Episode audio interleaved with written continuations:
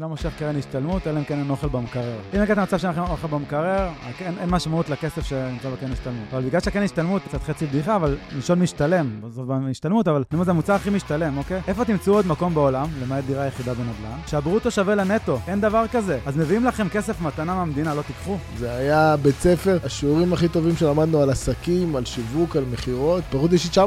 התפתחות אישית שמלווה אותנו עד היום. כאשר רוב האנשים ברחו מזה כי אמרו פירמידה, פירמידה, ולרוב זה קשקוש. לגמרי, תכוון לירח, מקסימום תבקע בכוכבים.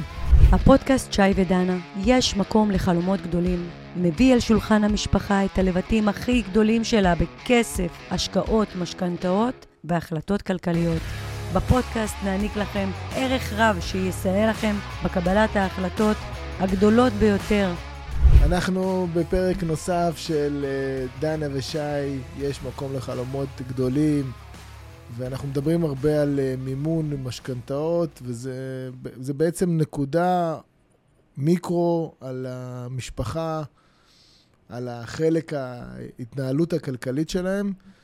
אה, ובפרק הזה אנחנו בחרנו לדבר על, על הראייה הכוללת, על ההסתכלות מלמעלה, ובחרנו לדבר על התכנון הפיננסי. ולשם כך הזמנו את אה, שי בדיחי, האלוף, שהוא, מעבר לזה שהוא מתכנן פיננסי, אחד הבכירים בארץ, מעבר לזה הוא מייסד אה, קהילה.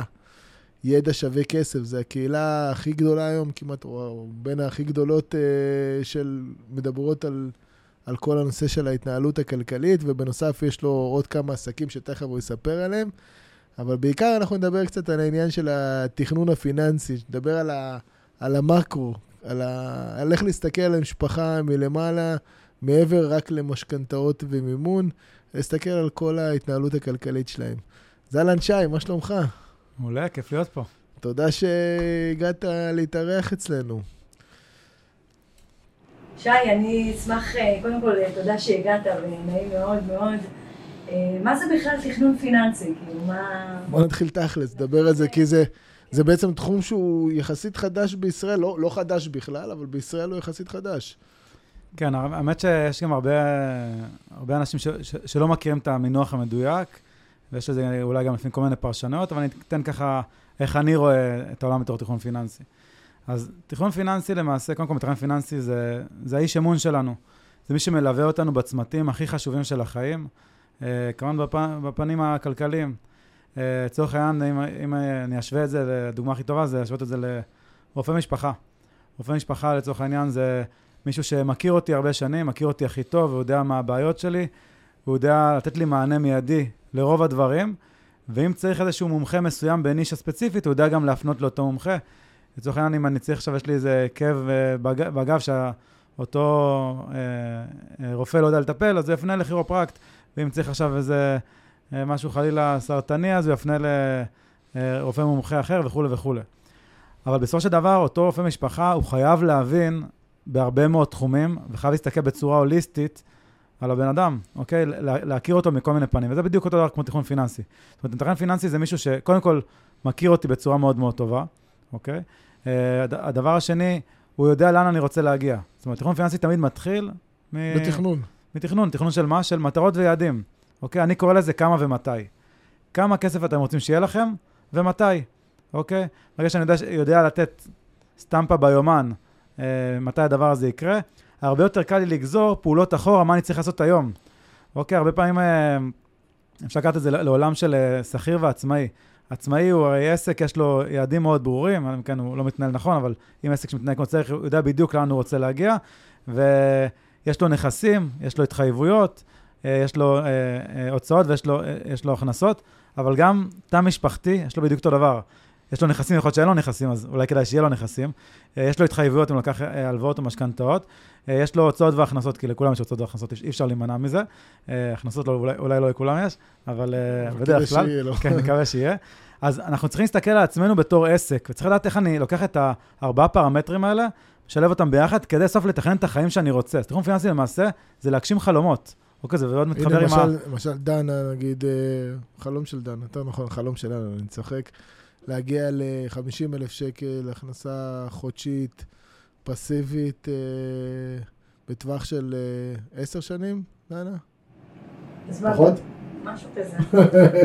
אז, אז בג- בגלל שפודקאסט זה משהו שהוא evergreen, יכול להיות שישמעו את זה גם עוד עשר שנים, אז בואו ניתן סטמפה ביומן, 2034. אוקיי, שמי שישמע את זה 2032 ידע שיש לכם עוד שנתיים להגיע ליעד. תזכרו את זה. תכלס.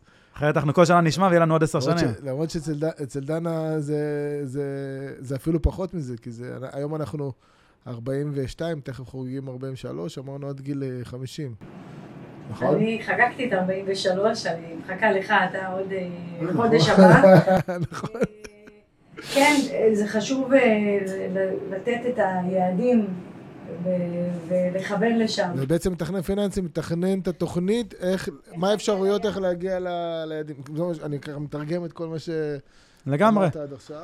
בעצם, בעצם צריך להיות לו ידע בהמון דברים, זה יכול להיות מרמה של אה, כלכלת משפחה, איך אני מנהל את התזרים, אה, הלוואות ומימון, אוקיי, עניין של אה, נכסים, אוקיי, איזה סוגי השקעות אפשר להשקיע, אה, בין אם זה נדל"ן, בין אם זה שוק ההון, בין אם זה השקעות אלטרנטיביות, אה, כל, כל, כל העניין של אה, להבין מה, תשואת המטרה, כי בסופו של דבר, אוקיי, אמרת מספר, אני רוצה בעוד עשר שנים, אוקיי, ב-2034, 50 אלף שקל, אני צריך להגדיר נטו או ברוטו, כן, אתה רוצה את זה בסוף קאש בעו"ש, נכון?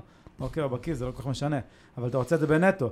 אז צריך להבין שאיזה תשואה אני צריך לעשות על הכסף, אחרי שנוריד דמי ניהול, אחרי שנוריד איזה עמלה של תיווך מסוים, אם זה היה משהו עם תיווך, אחרי שנוריד מיסוי, אוקיי?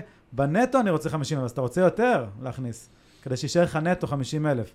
אז אני צריך תמיד לחשוב על כל, על כל המקרים, וזה בדיוק הרזולוציות שמתכנן פיננסי יורד אליהם. אז אני צריך מה תשואת המטרה, איזה תשואה, איזה רווח באחוזים, צריך לעשות כל שנה, בממוצע, כי מן הסתם אנחנו לא יכולים לעשות במדויק כל שנה מספר אה, עגול בדיוק, על הכסף כדי להגיע לאותם יעדים. עכשיו, זה משוואה עם נעלם אחד, אני יודע כמה כסף יש לך היום, אני יודע מה הנכסים שיש לך, אוקיי? אני יודע כמה אתה חוסך פחות או יותר היום, אז זה עוד כסף שהוא גם שלך, הוא כל חודש מתווסף, ואז אני יכול לחשב את התשואה גם על הכסף שיש לכם היום, וגם על הכסף שאתם חוסכים, אוקיי?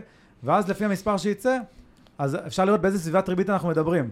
אם יצא לצורך העניין, אה, סתם אני מגזים, 100% תשואה בשנה, אז אני אגיד לכם, שמעו, אתם לא בכיוון. או שאתם חיים בסרט, אוקיי? או שאתם אה, צריכים לעשות פעולות אה, אחרות, אולי אה, החלק מהתכנון הפיננסי יהיה, צריכים להגדיל את העסק, צריכים להגדיל הכנסה, לא מספיק רק להשקיע את הכסף. כי העולם של ההשקעות לא מדבר על 100% ריבית בשנה. אוקיי? נכון. בטח, שלא בעשר שנים. אתה אומר, בעצם אתה עושה. איזשהו תיאום ציפיות בהתחלה עם היעד שכל אחד קובע, לראות בטווח הזמן שהוא הגדיר, האם הוא יכול להגיע, ואז אתה מגלה לראות אם, אם הוא הגזים עם היעד, או אני, אני דווקא בעד להגזים, לגמרי. אה, לראות כמה שיותר גבוה, אבל אם הוא מגזים, אז הוא צריך להבין שהוא צריך לעשות פעולות הרבה יותר משמעותיות מאשר רק, אה, לא יודע, כמה השקעות אה, כאלה ואחרות שהוא חשב עליהן. נכון, אני אני תמיד אומרת, אה, אמרת, אני לגמרי בעד להגזים, אז גם אני אומר תמיד, אה, תכוון לירח, מקסימום תבקע בכוכבים. אתה יכול לקחת שם בשביל החלב. זה דנה. המנטור של כן, דנה. אני אומרת, אומר מה. בעצם, איך אתה חווה בתקופה הזו את התכנון הפיננסי, אתה יודע, כי אנחנו מתכננים תוכניות, והעולם בסופו של דבר יש לו את התוכניות משלו. בתקופה הזו של המלחמה, איך זה בא לידי ביטוי בתכנון שאתה עושה לאנשים, או תכנונים שעשית? אז אני אגיד כמה דברים. קודם כל, אה, חלק מהתכנון הפיננסי זה גם להיערך ל- ליום סגריר. אוקיי? זאת אומרת, לשים כסף בצד לשעת משבר, כל משבר שיבוא, בין אם זה משבר עולמי, כמו שיש עכשיו כל מיני מלחמה, אנחנו מקליטים את הפרק אה, ב- ב- בינואר אה, 2024, אנחנו ב- במלחמה עם, עם עזה, אה, לא רק עם עזה, אבל נראה לי? הרפתקה עולמית כבר, תכף זה כן. הולך להיות. ולא מזמן היה, אה, עדיין קיים, פשוט פחות מדברים על זה אולי, רוסיה-אוקראינה, וריבית שעלתה בצורה, קצב מטורף, כל הזמן ו- קורה משהו. וקורונה, שכאילו שכחנו ממנה ועכשיו היא חזרה פתאום. אה, היא חזרה? כן, עכשיו אני שומע מלא אנשים שחולים בקורונה. אז אה, בשורה התחתונה, את כל הדברים האלה יכולנו סוג של לחזות מראש. זאת אומרת, לא לחזות בדיוק איזה אירוע יקרה, אבל אני גם אומר לכם שבעתיד יהיו עוד משברים, יהיו עוד דברים, בטוח יקרה משהו. ואז אני צריך לחשוב עם עצמי, בתא המשפחתי שלי, אם יקרה מקרה, איך אני, איך אני אגיב, אגיב לו? מה התוכנית מגירה שלי? תמיד אוהב לקחת, ממש ליטרלי תוכנית מגירה, לקחת דף ועט, אוקיי? אני אוהב לעשות את זה אפילו פיזית, לשים במגירה, כשהיום אני רגוע, אני במזגן, אני שלב, אוקיי? ואני לא, לא מוטה מרגש, ולהגיד, אם יקרה מקרה מסוים, איך שי העתידי יתנהג. ואז אם קורה המקרה, אני פשוט פותח את המגירה, אוקיי, ויכול להיות שאני בפאניקה, אין לי כסף, חלילה קרה לי משבר משפחתי, קרה משבר אה, במדינה, לא משנה מה. אני קודם כל נושם, לוקח את המשקה האהוב עליי, אוקיי, קודם דיברנו פה על משקאות אה, לפני השיחה, ו, אה, ואני רואה איך כשהייתי שקול, איך יעצתי לעצמי להתנהג. זה עוזר לי לא, לא לתת לרגש לנהל אותי, כי כשאני נותן לרגש לנהל אותי, אני עושה הרבה מאוד טעויות, במיוחד בעולם ההשקעות. הטעות הכי קלאסית, אנשים מוכרים את התיקים שלהם בשוק ההון, אוקיי? ואז כולם מושכים, וזה מעין אפקט העדר, וזה הזמן דווקא לקנות, ולא דווקא למכור, אוקיי? אז uh, אני תמיד רוצה להשאיר לעצמי כסף בצד ליום סגריר.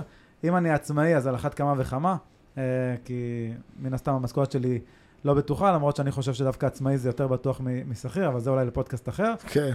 ו, ואם אני שכיר, אז אני יכול להגדיר איז, איזה מקרים אני רוצה שיקרו, uh, להגן עליהם. כלומר, אני אפוטר מעבודה, חלילה מחלה לא עלינו.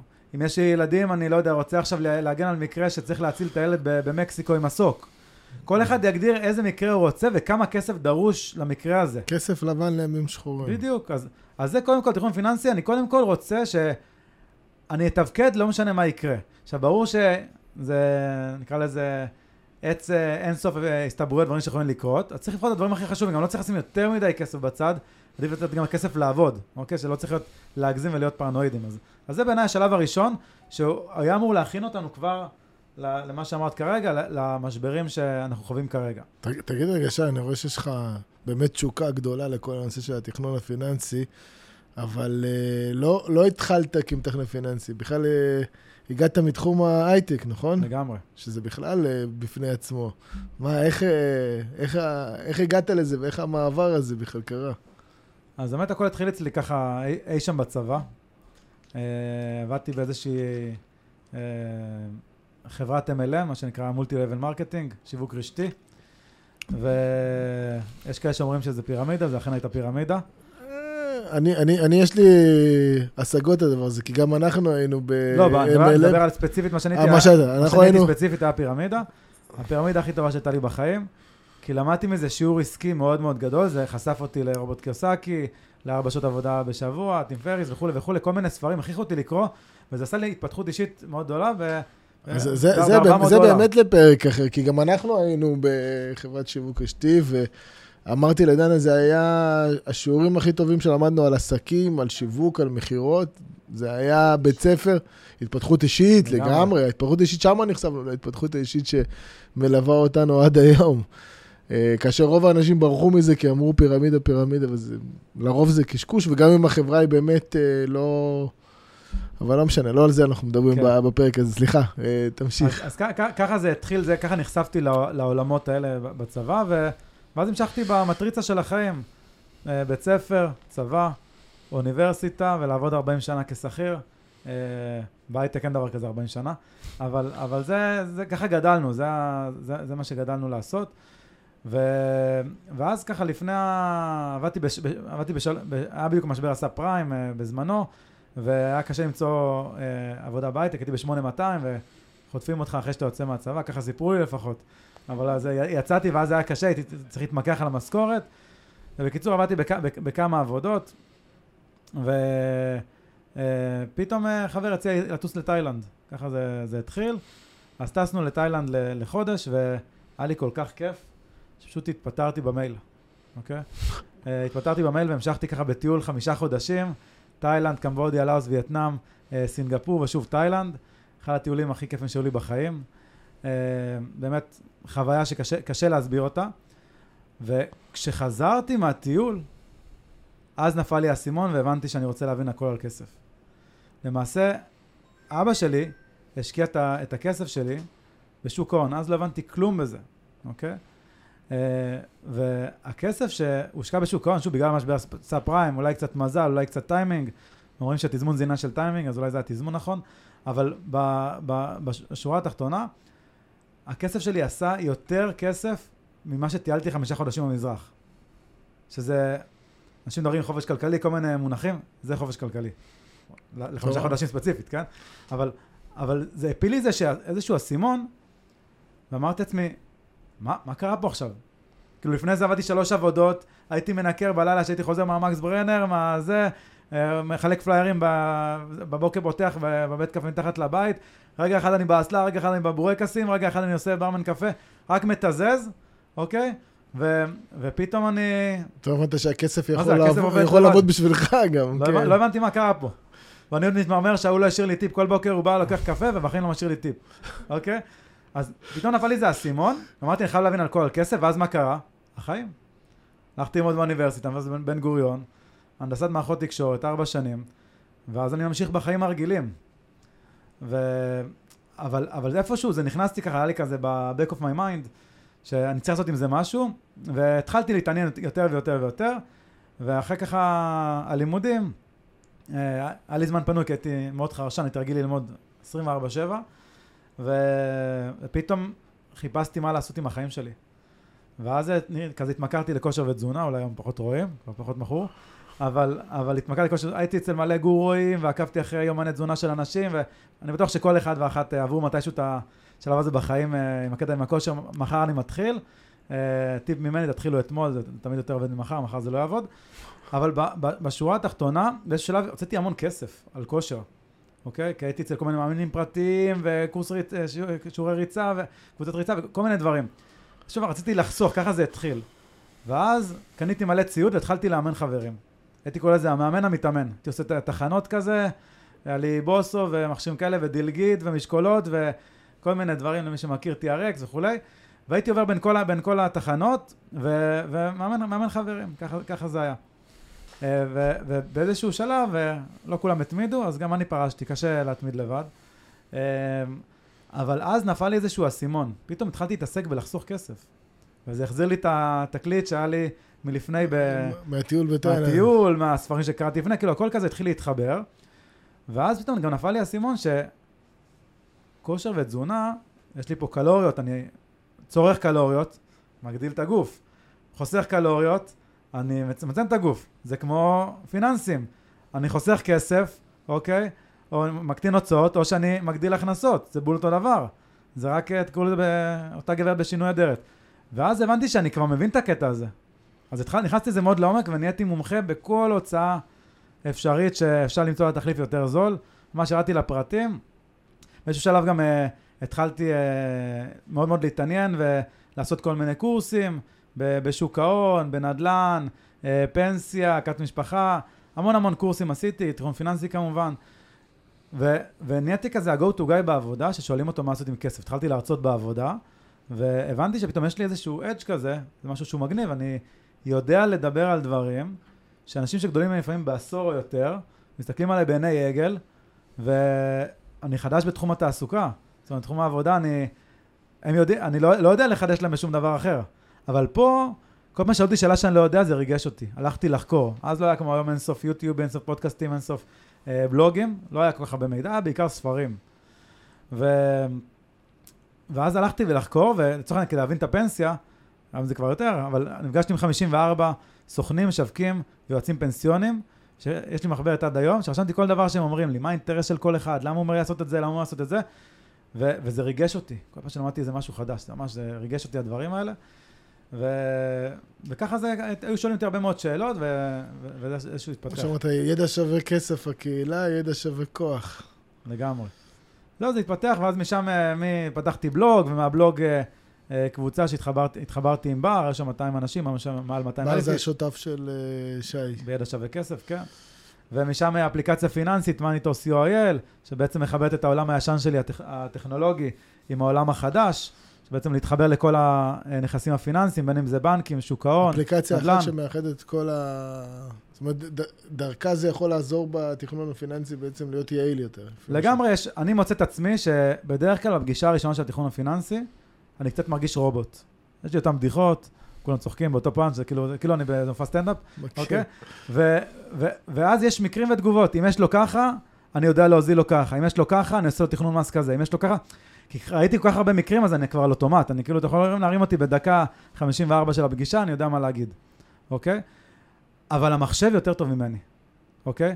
זאת אומרת, אם אני מזין את המוח שלי למחשב של מקרים ותגובות, ועושה גם UI נחמד, מגניב, ומעדכן את הנתונים אוטומטית, כי קרה לי לדוגמה, הייתי עם לקוח, ואחרי, יום אחרי, חלילה אבא שלו נפטר, פתאום יש ירושה.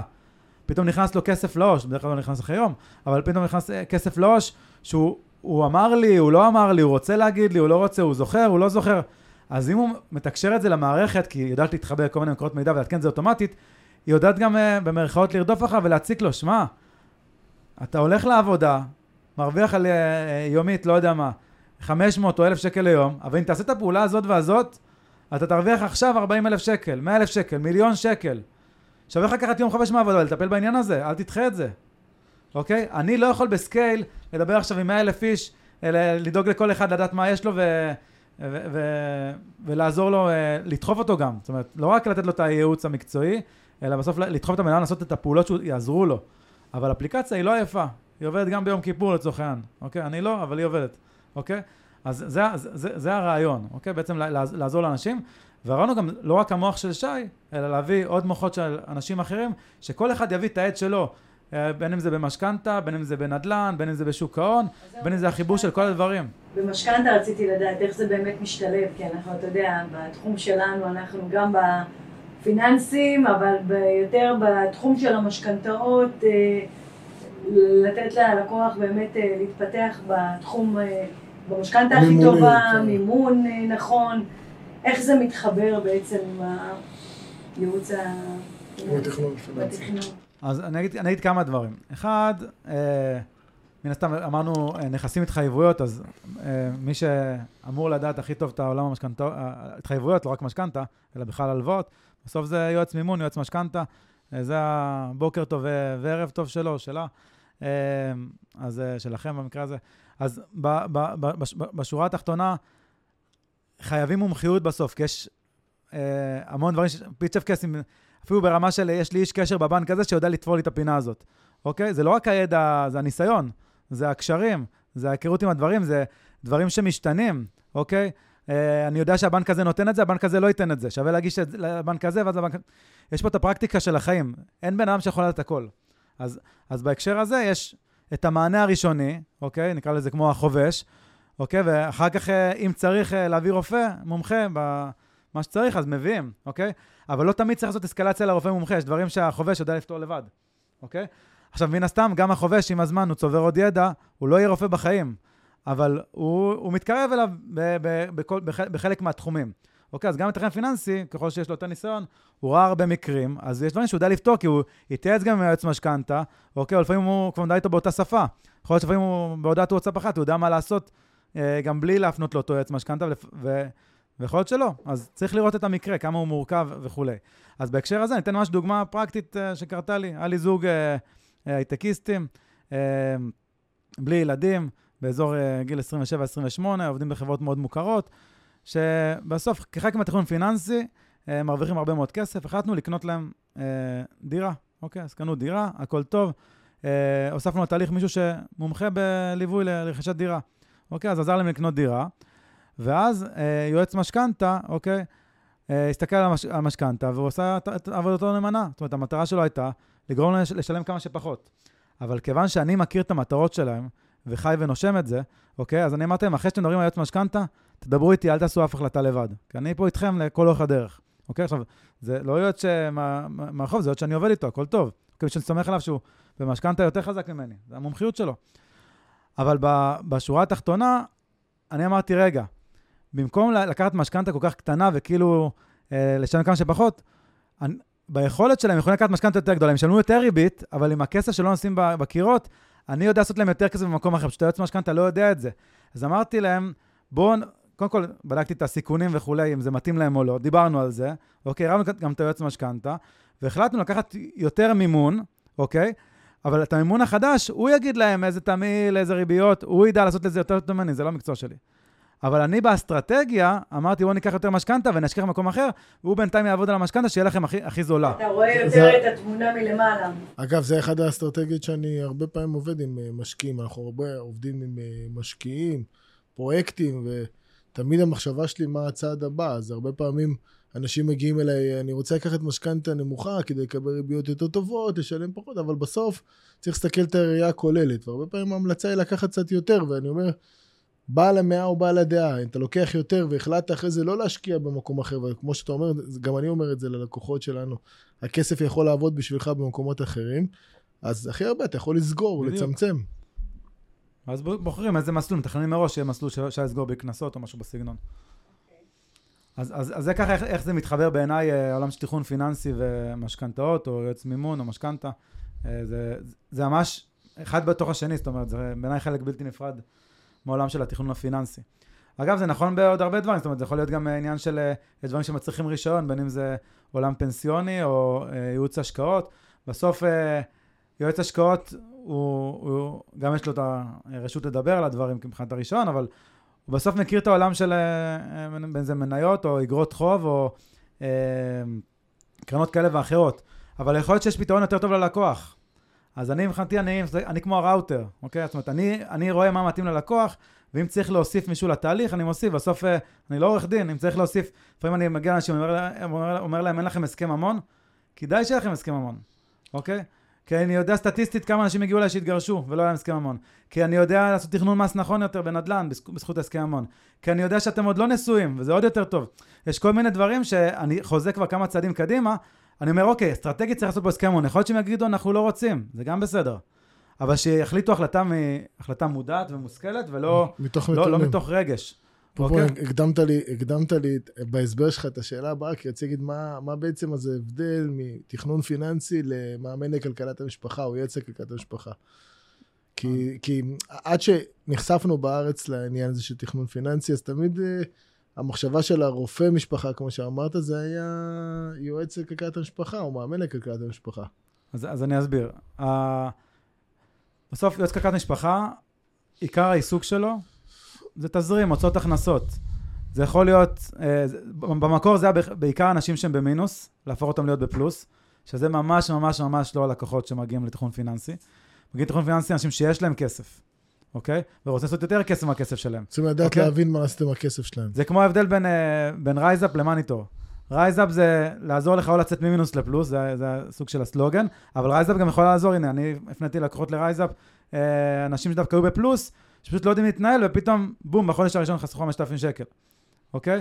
כי הם פתאום מוד- מודעים מה לעשות, הטכנולוגיה, האוטומציה הזאת, שדיברנו עליה, אה, כמו המאמן כושר שנותן לך פטיש חמישה קילו בראש, זה עוזר לך לעשות את הפעולות, שזה מאוד מאוד חשוב. ובסוף התכנון פיננסי, הוא מת, מתייחס לתזרים, אבל בקטע של תכנון עתידי. פחות אני לא אכנס לה, להגיד לך, שמע, אל, תסגור ב-012, תסגור ב-013, כי זה עוד חמישה שקלים פחות. זה לא מעניין אותי, אוקיי? אם יהיה לך בתוך כדי החיים משבר שנצטרך רגע להצטמצם, אני אעזור לך בזה. אבל זה לא, זה לא הפוקוס שלי. אני מאמין בלהגדיל הכנסות ולא בלצמצם הוצאות. המילה צמצום בכלל עושה לי חלחלה, אוקיי? אני היום בכלל לא מסתכל על ההוצאות שלי. פה התחלתי מזה, אני לא מסתכל בכלל על ההוצאות. מתחבר, אני בשיחה איתך אני מתחבר יותר ויותר לדברים, כי ככה גם אנחנו פועלים.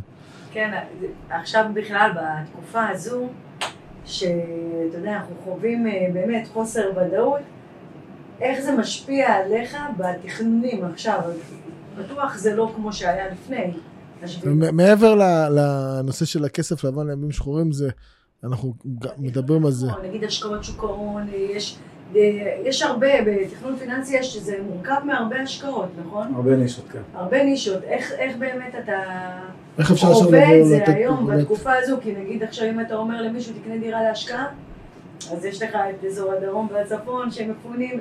איך זה באמת בא לידי ביטוי מבחינה אה, תכנון אז אני, היום? אז אני אתן ככה, בואו ניקח כמה אספקטים ונראה, נעבור אחד אחד. נגיד, דוגמה שוק ההון, אוקיי? אז, אז uh, היום אנחנו בתקופה שהריבית מאוד עלתה, נכון? עכשיו היא ירדה באפס, ב- ברבע אחוז, אבל uh, היא עדיין יחסית, ב- באופן יחסי לשנים האחרונות, היסטורית לא, אבל לשנים האחרונות היא יחסית גבוהה. אז עדיין כל מי שיש לו כסף בעו"ש, אוקיי, יכול לשים בינתיים, אני קורא לזה חנת ביניים, כסף בקרן כספית או בפיקדון, אני מעדיף קרן כספית באופן אישי. פיקדון זה- אה, קללה בתקופה תסביר כזאת. למה, למה, בעצם קרן כספית? אז קרן כספית בסוף זה, זה מוצר שהוא נזיל לחלוטין, נזיל כל יום, אוקיי? אפשר לקנות את זה דרך הבנק אה, בלי עמלות בכלל, או יש גם בתי השקעות שאפשר גם אה, בלי עמלות, בלי, בלי עמלת קנייה, בלי מכירה. אה, הדמי ניהול מאוד מאוד זולים, בממוצע 0.13 אחוז, זה 0.0013 זה מאוד מאוד נמוך, זה יותר קרוב ל-0 מאשר ל-1. ו, וחצי מהכסף מאחורי הקלעים מושקע בפיקדון בבנק. אפילו עם- יותר מחצי. פשוט עם, פשוט עם ריביות ג'מבו. כן, זה משתנה בתמהיל בין, בין החברות, אבל סדר גודל. ו, ושאר הכסף מושקע באגרות חוב, בעצם בהלוואות לגופים כאלה ואחרים, לזמן מאוד מאוד קצר, למח"מ של 90 יום, שלושה, שלושה חודשים. ממוצע, כן. ו, ובעצם זה, אני מסתכל על זה ככה, אם עכשיו אני נניח בוחן את שי, מסתכל על ההוצאות, הכנסות, נכסים, התחייבויות, ושי אומר, שמע, בוא ת, תן לי הלוואה, אוקיי? כמו שהבנק יכול להגיד. אז אם המצב של שי טוב, אני רואה שהוא חוסך, סתם אני ממציא, 10,000 שקל בחודש, והוא רוצה ממני משהו ש... אה, אה, לא יודע, 30,000 שקל, אני אומר, תוך שלושה חודשים מחזיר את הכסף, אוקיי? והסתברות כנראה מאוד גבוהה. שלושה וחצי, ארבעה, לא יודע איזה חודש יותר פחות. אז, אז אני אומר, הכסף יחזור אליי. אבל אם אני לוקח את אותו שי, שאמרנו 42, כן. ואני אומר, תכף 43. אני אומר, בוא נעשה את אותו דבר, ותחזיר לי את זה בעוד 20 שנה. יש לי הרבה יותר אי-ודאות, נכון? אתה אותו שי בדיוק, ואני אומר, אולי סטטיסטית אפילו תהיה יותר מוצלח, אוקיי? אתה תשתבח עם השנים. אוקיי? כמו השתייה החריפה שראינו פה קודם. אז בשורה התחתונה, בגלל שיש יותר אי-ודאות, אז, אז, אני, אז אני, יש פה יותר סיכון. יש פה יותר סיכון, אז לא בטוח שתחזיר לי את ההלוואה. ולכן אני אומר, אני אומר אותו דבר, אם, אם, אם אני מלווה את הכסף שלי לחברות כאלה ואחרות, שהיום יש איתנות כלכלית, בדירוג מאוד גבוה, בדרך כלל דאבל איי, והסיכוי שהם לא יחזירו לי הוא מאוד מאוד נמוך. אז הסיכון בקרן הכספית הוא מאוד מאוד נמוך, הוא כמו פיקדון סדר גודל, אה, גם פיקדון, הבנק יכול לשאול את הרגל. אבל סיכון מאוד מאוד נמוך, אוקיי? זה אם לא יהיה מדינת ישראל אולי. אוקיי, זה כנראה לא הפתרון שהוא יקרה. נזיל, ו... ונזיל כל יום, והוא נותן באזור ה-4 אחוזים וחצי. וגם מיסויית זה יותר טוב בתקופה של נכון, אינפלציה. כפה של אינפלציה, זה מתקזז עם האינפלציה, 25 אחוז מקוזז עם אינפלציה ריאלית. אבל זה שוק ההון בהיבט של כסף שחונה עכשיו. שחונה, בדיוק.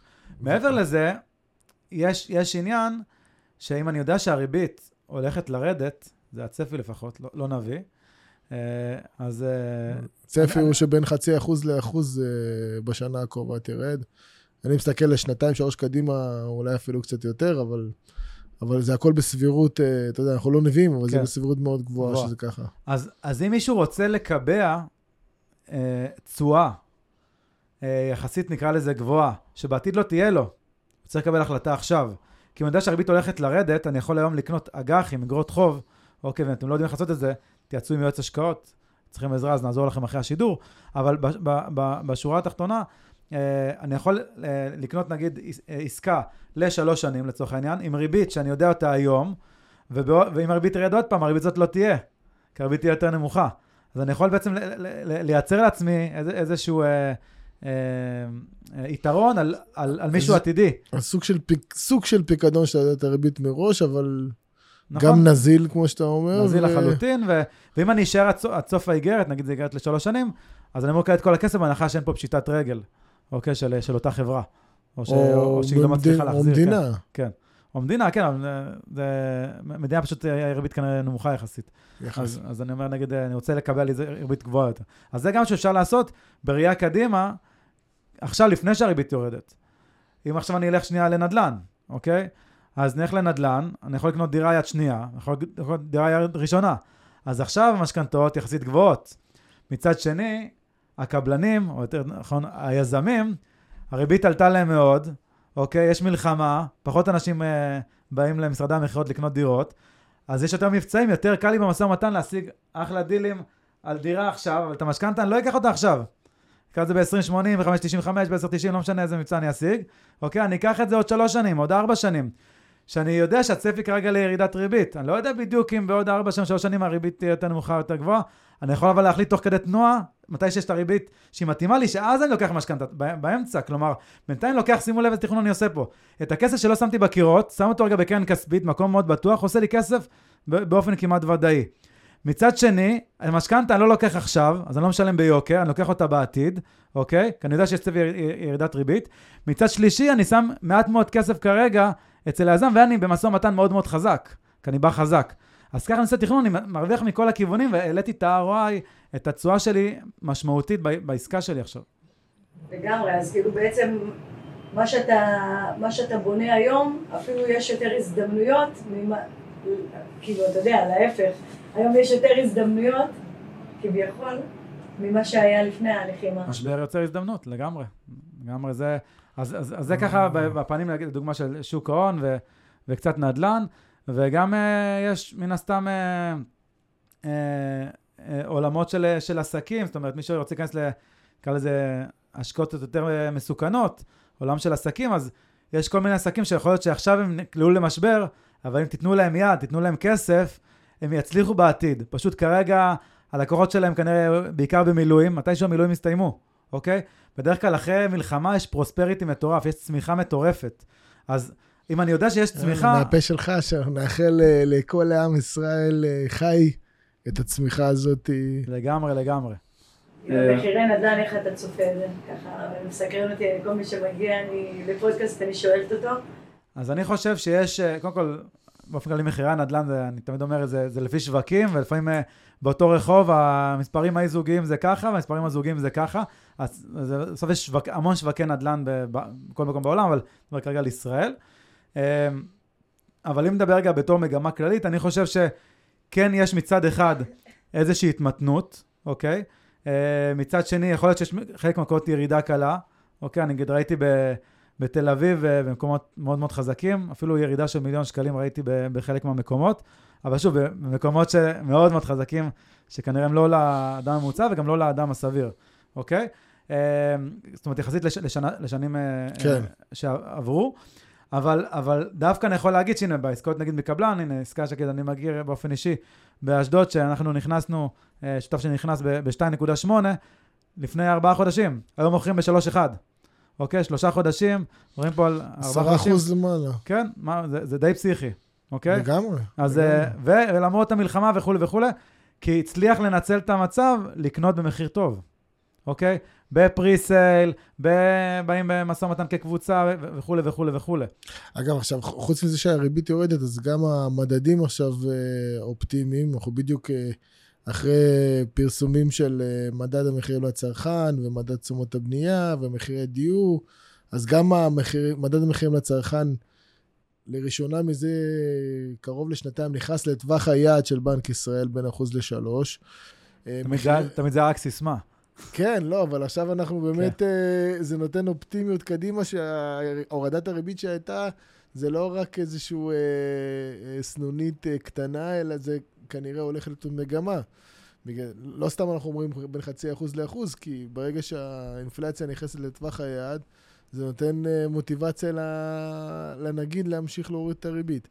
מעבר לזה, מדד מחירי דיור, כמו שאמרת, אם אנחנו מסתכלים בממוצע הארצי, אז הירידה השנתית היא 1.8 אחוז, לא כזאת קריסה כמו שאנשים ציפו. Uh, ו...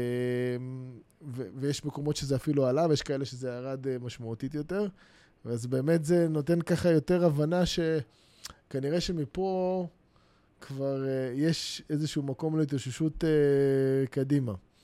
אז, uh, אז זה לגבי uh, כל הנושא של שוק הנדל"ן. גם, אני גם חושב ש, שיש המון המון אנשים כרגע שנמצאים על הגדר. Uh, א', רגשית, הרבה אנשים uh, לא יכולים כרגע להתעסק בזה בראש. Uh, אני, אני, אני לא, לא, לא מכיר הרבה אנשים שאין להם מישהו ממעגל uh, ראשון או שני שמכירים, שלצערי לא איתנו, כולל אני מכיר uh, אנשים. Uh, אנחנו מנסים סתם... Uh, להמשיך בחיים כרגיל, אבל זה לא, זה לא, לא יעזוב אותנו כל כך מהר. אה, במיוחד מי ששקל מישהו מקרבה ראשונה, אז, אז מאוד מאוד קשה להמשיך בחיים. אז זה, זה אחד. שתיים, יש המון אנשים שנמצאים במילואים, המון המון, אני מכיר באופן אישי, גם שותף שלי במאניטור, אז הוא נמצא לא, לא, לא, לא מעט uh, בפנים. אז ב, ב, ב, בשורה התחתונה אין, אין את הקשב uh, להתעסק בכלל בהשקעות. וברגע שנחזור לשגרה נורמלית, אני מקווה, אז הרבה אנשים פתאום יחזרו לעשות את הדברים האלה, והביקושים יקפצו, זה מה שאני צופה, ולכן אני צופה שכן יהיה בסוף איזושהי צמיחה, אה, גם בפן הזה, גם אה, לצערי אנטישמיות שהולכת וגואה בעולם, שהגיעה לממדים שלא לא נראה לי העולם ראה הרבה שנים. אה, אז הרבה, יש, יש, יש הרבה אנשים ש, שעולים לארץ, או רוצים, רוצים לקנות איזשהו קרן ביטחון, איזשהו מקלט אה, אה, בשקלים. יש המון המון יהודים ב, ב, בתפוצות שיש להם הרבה מאוד כסף, אה, וזה איכשהו מחבר אותם ככה לשורשים. יש המון תוכניות גם של אה, חיבור של, אה, ראיתי לא מזמן, רכבות מהירות, אוקיי? אה, אה, מרחקים מאוד מאוד אה, אה, גדולים. יש את העניין כמובן של הממ"דים, אוקיי? שעכשיו הוא עוד יותר, אה, אני ראיתי במדלן, נדמה לי בחודש נובמבר, הביקוש לחיפוש לדירות עם ממ"ד עלה באזור ה-200 אחוז, כן. משהו פסיכי. Uh, כמובן שיש גם, אתם יודעים את זה כנראה יותר טוב ממני, נדמה לי בבנק הפועלים, תקנו אותי אם אני טועה, פתאום אפשר לקחת uh, מימון uh, לממ"ד, לא זוכר בדיוק את המספר, נראה לי 70 אחוז. אז... זהו, זה גם הבירוקרטיה הצטמצמה משמעותית, וגם הבנקים מעודדים, וכחלק מה, מהנושא של המשכנתאות, זה בכלל נחשב כמשכנתה לדיור, כהרחבה. אז מקבלים היתר בתהליך מקוצר, ואז מקבלים גם משכנתה רגילה, לא רק הלוואה, אלא כמשכנתה ממש לסוג של בנייה, בוא נגיד ככה, בנייה עצמית. אז זה בהחלט הזדמנות טובה, מי שיכול לעשות, לבדוק את זה כמובן, את האופציה של ההיתרים האלה. אבל זו נקודה מאוד יפה. זאת אומרת, יש, יש, יש כל כך הרבה גורמים שאני רואה שהם, נקרא לזה, יותר בעד מאשר נגד. אתה, אתה נוגע באמת בנקודות, נקודות, נקודות. זה, זה היופי בתכנון פיננסי. סתם מעניין אותי לשמוע באמת ככה... ועוד פעם, אני מחבר את זה לתקופה הנוכחית, עם איזה, איזה טיפים ככה אתה מרגיש שאתה יותר ויותר אומר לאנשים בתקופה הזאת בפגישות. תן לנו איזו הצצה קטנה ככה לפגישות. איזה טיפים אתה יכול לתת ככה למי ששומע את הפודקאסט, אה, איך בהתנהלות שלו, יכול לשפר בתקופה הזאת? אז קודם כל, יש, יש הרבה אנשים ש... בוא נתחיל מאלה שנכנסים לסטרס אה, כלכלי, אז כל מה שאפשר לחתוך אה, בצורה קלה, ועושים את זה one time, פעם אחת, אז אפשר לעשות את זה, לדוגמה, כל מי שמשלם, או שילם אי פעם, עמלות לבנק, זה מיותר, חברים, אוקיי? הבנקים מרוויחים מספיק בלי זה. אתם יודעים איך אני יודע? תקראו את הדוחות שלהם בשוק ההון, אוקיי? אז אל תדאגו, הם לא יקרסו בלי עמלות שלכם, אוקיי? וגם... אה, אני מאחל שכולם ישמעו את הפרק הזה, אבל, אבל סטטיסטית לא כולם ישמעו את הפרק הזה, אז, אז uh, אם אתם מוצאים בזה איך, תעבירו גם לחברים. אבל ב, ב, בשורה התחתונה, יש, uh, אתן כמה דוגמאות. אם אתם uh, uh, נניח שכירים, מכניסים מה 7,000 שקל נטו, יש הרבה אנשים כאלה שמכניסים מה 7,000 שקל נטו.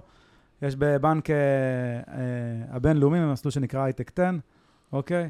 אני הצלחתי גם להצטרף אליו, גם, גם בלי להיות בהייטק, לא, לא על עצמי, אלא ללקוחות.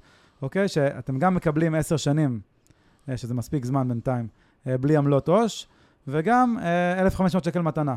הנה, כבר עשיתי לכם 1,500 בכיס, ברגע. הנה, חיברת לי פה גם נקודה, אפרופו עכשיו, כי לפני איזה כמה ימים לקוח שלנו ששלח לנו שאלה אם אנחנו מכירים את זה. אז הנה, עכשיו בזכותך מכירים את זה, ומי שלא לא שמע על זה ולא ידע על זה, אז עכשיו גם יודע ומכיר את זה. אז זה, זה נגיד דוגמה. זה נגיד מישהו שהוא שכיר. מישהו שהוא עצמאי, אז הבנקים פחות אוהבים עצמאים, למרות שאין בזה היגיון. זה אמור להיות הפוך מההיגיון, אבל אני, אם היה לי זמן uh, לעשות עוד גלגול, הייתי משקיע את כל האנרגיה ולחנך גם את הגופים. לא, לא, בנק זה, זה גופים מרובעים שההיגיון הוא הרבה פעמים... Uh, בדיוק. אז, אז, uh, אז פה יש כמה אופציות. אפשר לצורך העניין פפר למי שרוצה חשבון יחיד. אה, אז אפשר בלי, בלי עמלות בכלל, אפשר, אה, גם בבינלאומי יש מה שנקרא חשבון ירוק, אז אפשר שני בני הזוג להצטרף, וזה לכל החיים חינם, אוקיי? אה, יש עוד המון, יש, יש, יש בבנק דיסקונט, מה שנקרא דיסקונט טאצ'ר, זה כמעט בלי עמלות, אפשר לקרוא שם את האותיות הקטנות, יש עוד בגוגל דיסקונט טאצ'ר. כמעט בכל בנק יש, יש מסלול כזה, רק צריך לדעת לחפש אותו. אז זה כבר אני ביטלתי את העמלות. עכשיו אותו דבר עם כרטיסי אשראי, אוקיי? יש בנקאי או חוץ-בנקאי, אפשר לבטל את הדמי כרטיס, פשוט תבקשו, לא לשלם. אתם תראו איך קודם כל נותנים לכם שנה בלי להתמקח, אז יכולים כל שנה להתמקח מחדש, אוקיי? או אה, אה, פשוט לעבור לכרטיס שאין בו. זה כמו וולט, אה, בזק, כל ה... אתה יודע, חברות ה... לא ידעתי שאפשר אה, באמת אה, להתמקח על עמלות, להגיד להם השנה אני רוצה לא לשלם. לגמרי. אגב, אפשר גם, אם אתם לא רוצים לעבור בנק, אוקיי? אפשר להגיד שיש לכם הצעה במקום אחר, ולהביא הצעה כתובה, אפשר גם לפעמים בלי הצעה כתובה, ויורידו לכם בבנק שלכם. זה, זה עובד בדיוק טוב ככה גם בהלוואות ובמשכנתאות. כן. זה, זה על, על אותו שיטה. זה עובד טוב, כן. אה, אז זה ככה בפן הזה. מעבר לזה, ברמה של הלוואות, אוקיי? אז ניתן ככה כמה טיפים שניתן ממש בימים האלה. יש את עמותת עוגן, עמותה נפלאה, אה, של, אה, יש יהודים עשירים מארצות הברית, למיטב ידיעתי, תרמו הרבה מאוד כסף, אה, פעם זה נקרא IFLA נדמה לי, שינו לעוגן לבית, עכשיו עוגן. בשורה התחתונה, אה, לקוח שלי הצליח לקבל 60 אה, אלף שקל הלוואה ללא ריבית, אוקיי? ואשתו שהיא עצמאית, עוד 100 אלף שקל הלוואה ללא ריבית, כבר יש לנו 160, ואז אמרתי, רגע, גם, גם היא בן אדם.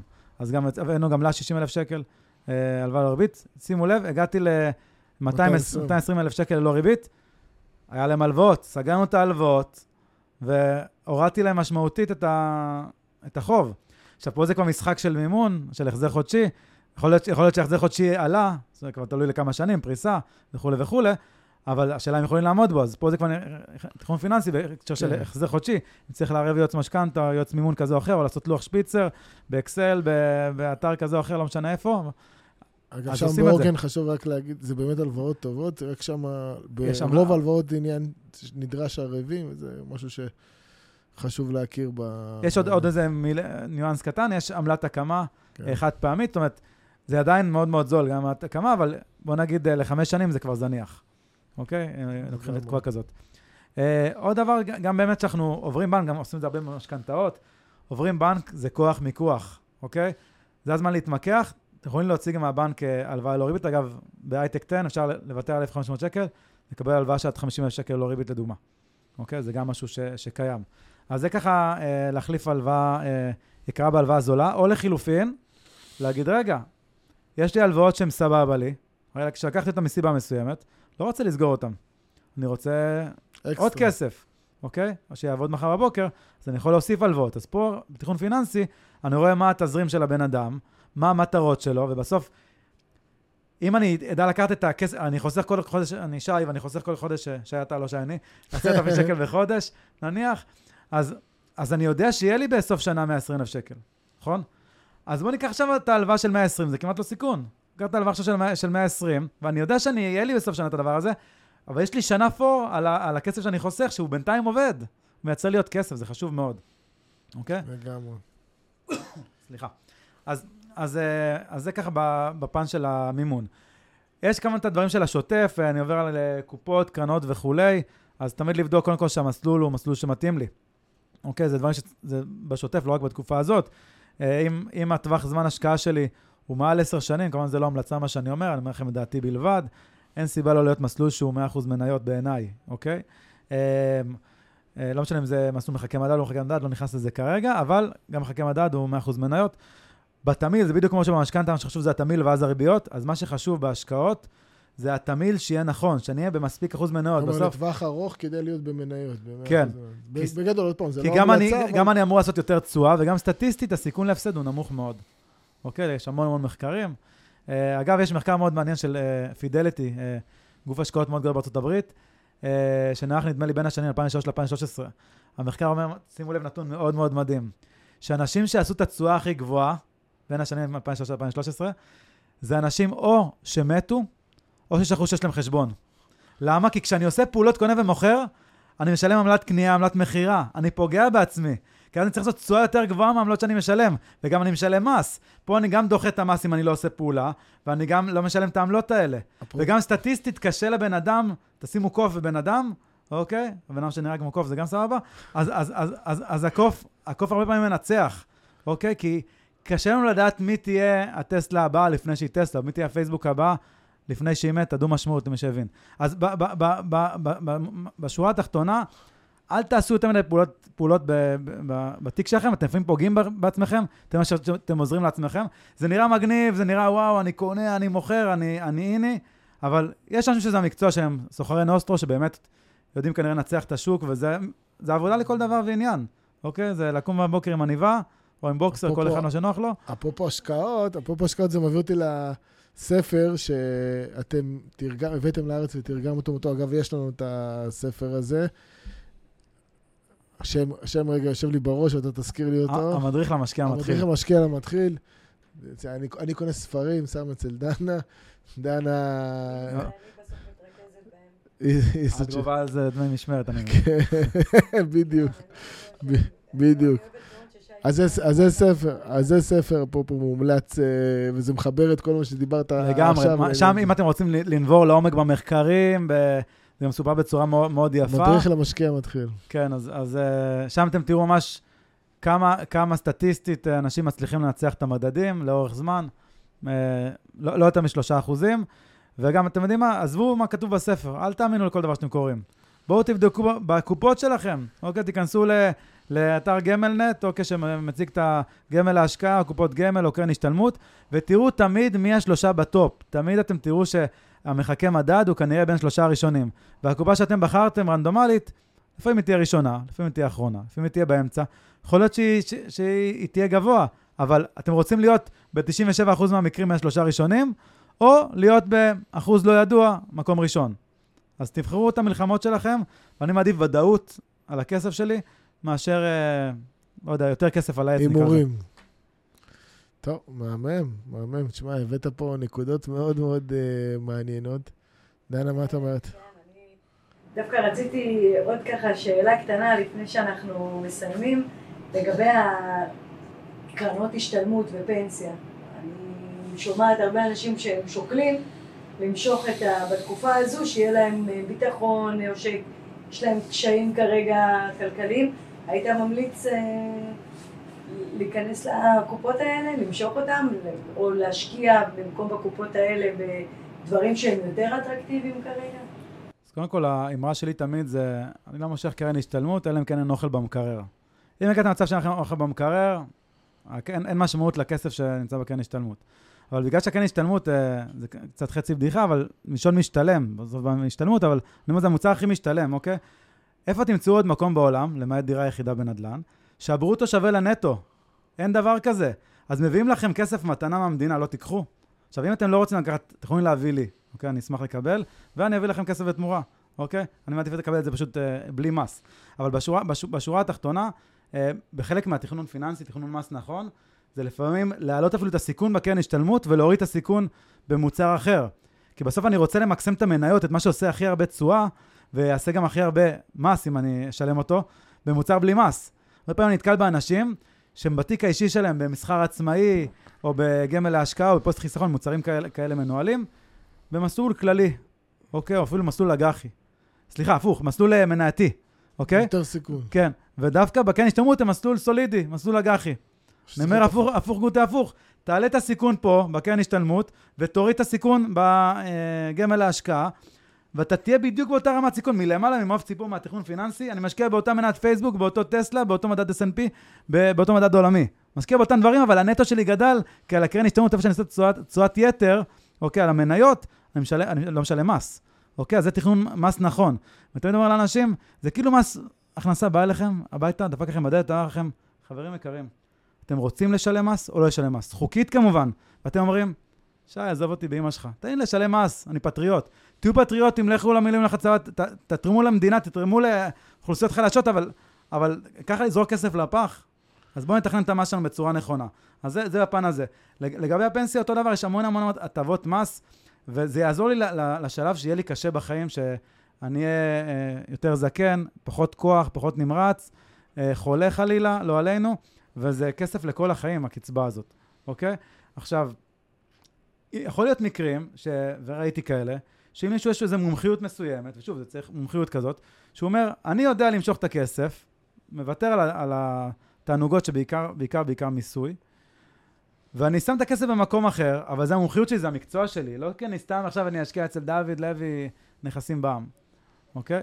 לא יודע אם תפסתי דוד לוי, אבל uh, no, no offense, זה סתם שם שקפצתי לראש. אז ב, ב, ב, בשורה התחתונה, אם יש איזו מומחיות מסוימת, ואני כאילו מהמר על המנה של עצמי all in, אוקיי, זה העסק שלי, זה הביזנס שלי, אני אומר, אני מושך ושם in על הביזנס שלי, לטוב ולרע, אז החלטה שלכם, אני לא בעד באופן כללי, אבל אם אתם באמת באמת טובים במה שאתם עושים ואתם יודעים, שמע, שאני יודע לייצר, אה, סתם אמציא, מחזור של מיליון שקל בחודש, ואני רק צריך את הדבר הזה, אוקיי? את המשיכה הזאת, אז לכו על זה, אוקיי? אבל כנראה למג'ורטי, ל-90% מהאנשים, הם לא יודעים לייצר מחזורים מאוד גבוהים, אני מדבר גם מחזורי רווח ולא סתם מחזור, אז, אז כנראה זה פחות מתאים. אוקיי? אבל זה כבר עניין, אתם מהמרים על המנה של עצמכם או לא, אבל לא הייתי מושך את הכסף בשביל להמר על מנה של מישהו אחר. בשביל לתת את הכסף למישהו אחר להשקיע, כמה שהוא לא יהיה טוב, מעדיף לסמוך על עצמי. יפה, יפה מאוד. קודם כל, באמת תודה על כל הידע והערך. אה, ידע שווה כסף, כן? ידע שווה כסף, הקהילה של... אה, אפרופו אמרת מטא, פייסבוק וזה, אהבתי את המשחקים האלה. אז ידע שווה כסף, חבר'ה, ידע שווה כסף. שווה לעקוב אחרי הקהילה של אה, שי ובר השותף שלו, ואני מקווה מאוד שבאמת אה, ככה קיבלתם ערך והבנתם שצריך להסתכל על, אה, על הכל מלמעלה, ו, ואז דברים קטנים יכולים, על ידי שינויים קטנים אנחנו יכולים לשפר משמעותית את המצב שלנו. אז שי, המון המון תודה שהגעת לפודקאסט שלנו, שמחתי ממש. וכל מי שעוקב, תמשיכו לעקוב, חברים. כל מי ששומע פעם ראשונה, אז יש לנו עוד הרבה פרקים uh, מעניינים, ותמשיכו לעקוב, דנה ושי. יש מקום לחלומות גדולים. מדהים. תודה, שי. תודה, שי. תודה רבה.